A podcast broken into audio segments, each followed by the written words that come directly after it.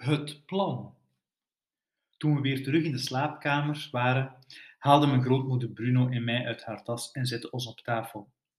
Waarom zei je in hemelsnaam niet wie je was? vroeg ze aan Bruno.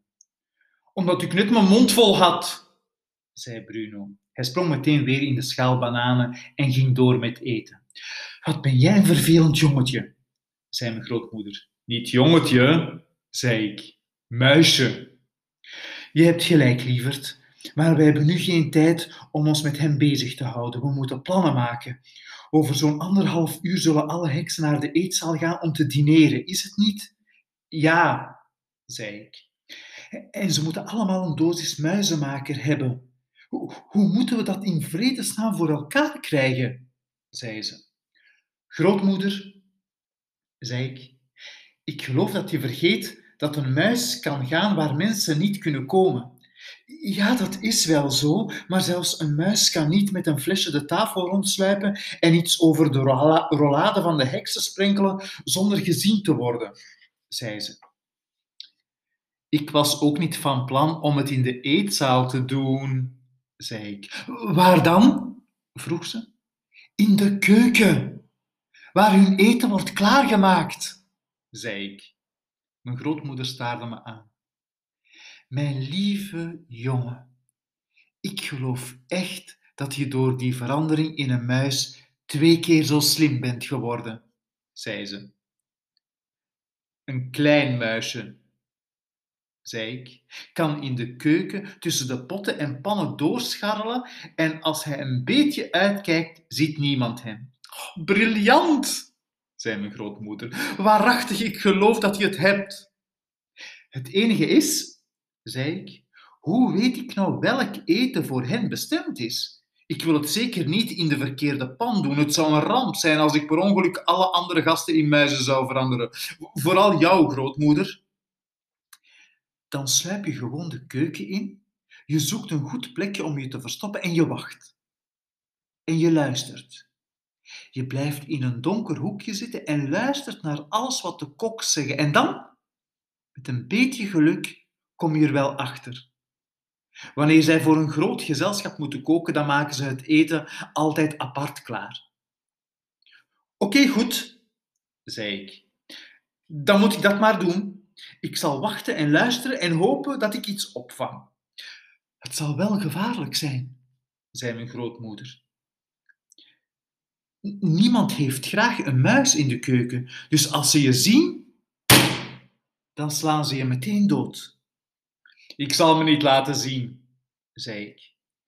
Vergeet niet dat je het flesje bij je hebt, dus zul je op geen stukken na zo snel en bewegelijk zijn als anders. Ik kan behoorlijk hard lopen op mijn achterpoten met het flesje in mijn voorpoten, zei ik. Dat heb ik net ook gedaan, weet je nog? Ik ben met het flesje helemaal van de kamer van de opperheks hierheen gerend. Ja, hoe zit het dan met het opendraaien van de dop? vroeg mijn grootmoeder. Misschien zal het wel moeilijk zijn voor jou. Ik zal het proberen.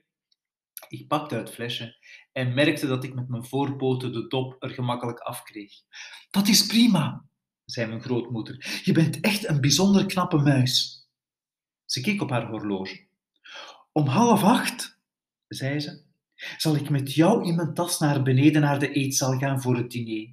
Dan laat ik je onder tafel los met het kostbare flesje en verder moet je het alleen opknappen. Je zult ongezien de eetzaal door moeten komen naar de deur die, die naar de keuken leidt.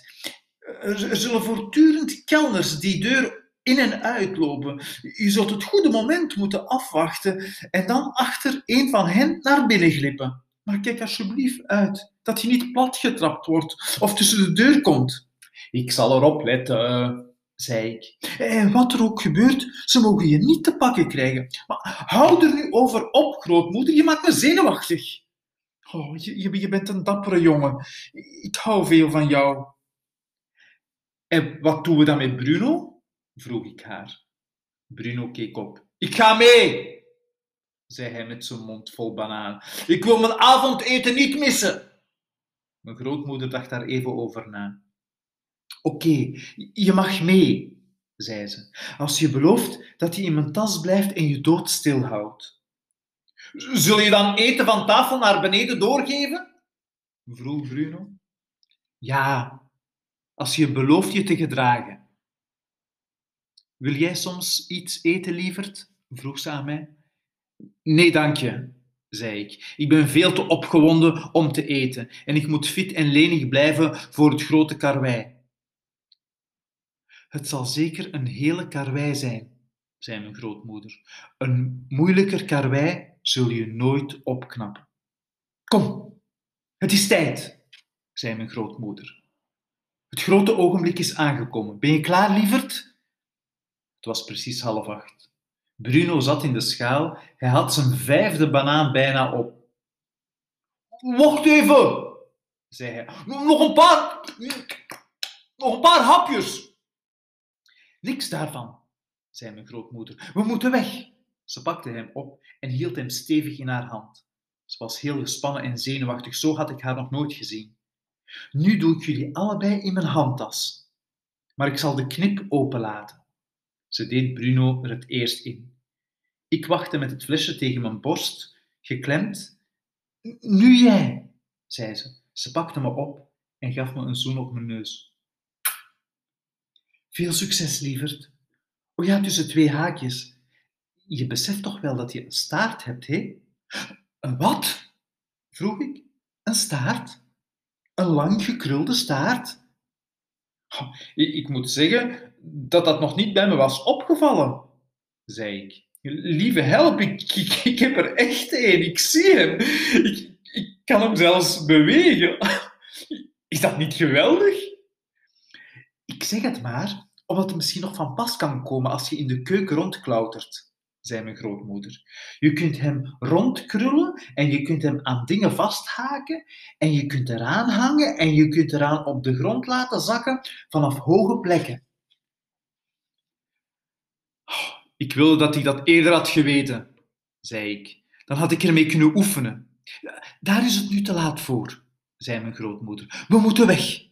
En ze deed me in de handtas bij Bruno en meteen ging ik weer op mijn oude plaatje in het zijzakje zitten, zodat ik mijn kop naar buiten kon steken om te zien wat er gebeurde. Mijn grootmoeder pakte haar stok en ging de gang in naar de lift. Ze drukte op het knopje en de lift kwam. Ze stapte erin. Er was niemand anders in de lift. Luister, zei ze.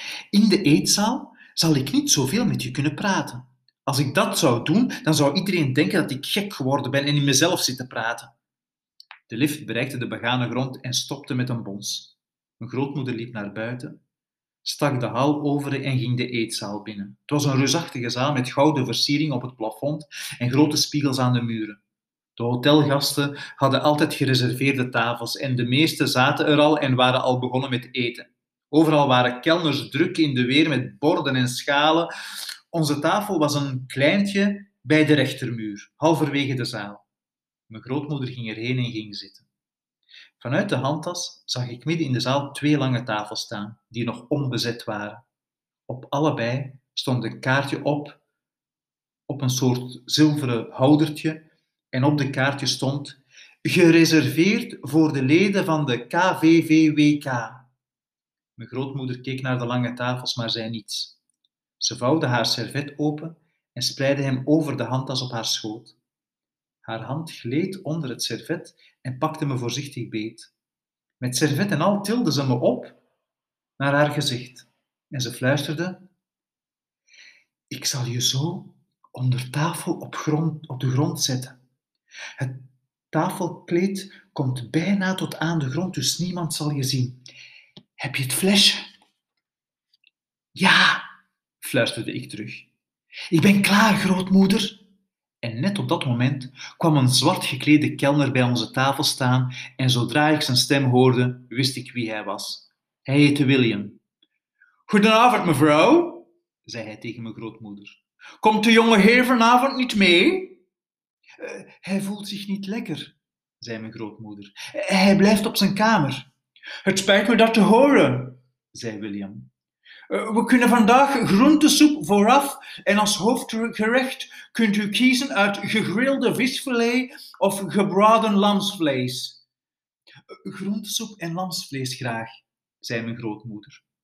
Maar doe maar kalm aan, William. Ik heb totaal geen haast vanavond. U kunt me zelfs eerst nog wel een glaasje droge sherry brengen. Zoals u wilt, mevrouw, zei William en ging weg. Mijn grootmoeder deed net alsof ze iets had laten vallen en toen ze bukte, liet ze me van onder haar servet op de grond onder de tafel glijden. Vooruit, lieverd, ga maar gauw, fluisterde ze. Toen kwam ze weer overeind. En nu, nu stond ik er alleen voor. Daar zat ik met het flesje. Ik wist precies waar de deur naar de keuken was. Ik moest bijna de halve zaal rond om er te komen. Vooruit maar, dacht ik. En snel als de bliksem schoot ik onder de tafel uit naar de muur. Ik was niet van plan de eetzaal over te steken, dat was veel te gevaarlijk. Ik was van plan vlak bij de muur te blijven tot ik bij de keukendeur kwam. Ik zette het op een rennen. Oh, wat rende ik. ik. Ik geloof niet dat iemand me zag. Ze hadden het allemaal te druk met eten. Maar om bij de deur naar de keuken te komen, moest ik wel de hoofdingang oversteken. Ik wilde het net doen toen een grote golf dames de eetzaal binnenstroomde. Ik drukte me tegen de muur met het flesje tegen me aangeklemd. Eerst zag ik alleen maar de schoenen en enkels van de vrouwen die binnenstroomden. Maar toen ik een beetje hoger keek, zag ik meteen wie het waren. Het waren de heksen. Die kwamen dineren. Ik wachtte tot ze allemaal voorbij waren en toen rende ik verder naar de keukendeur. Een kelner duwde hem open om naar binnen te gaan. Ik glipte achter hem aan de keuken in en verborg me op de vloer achter een grote vuilnisbak. En daar, daar bleef ik een paar minuten zitten om naar alle stemmen en het kabaal te luisteren.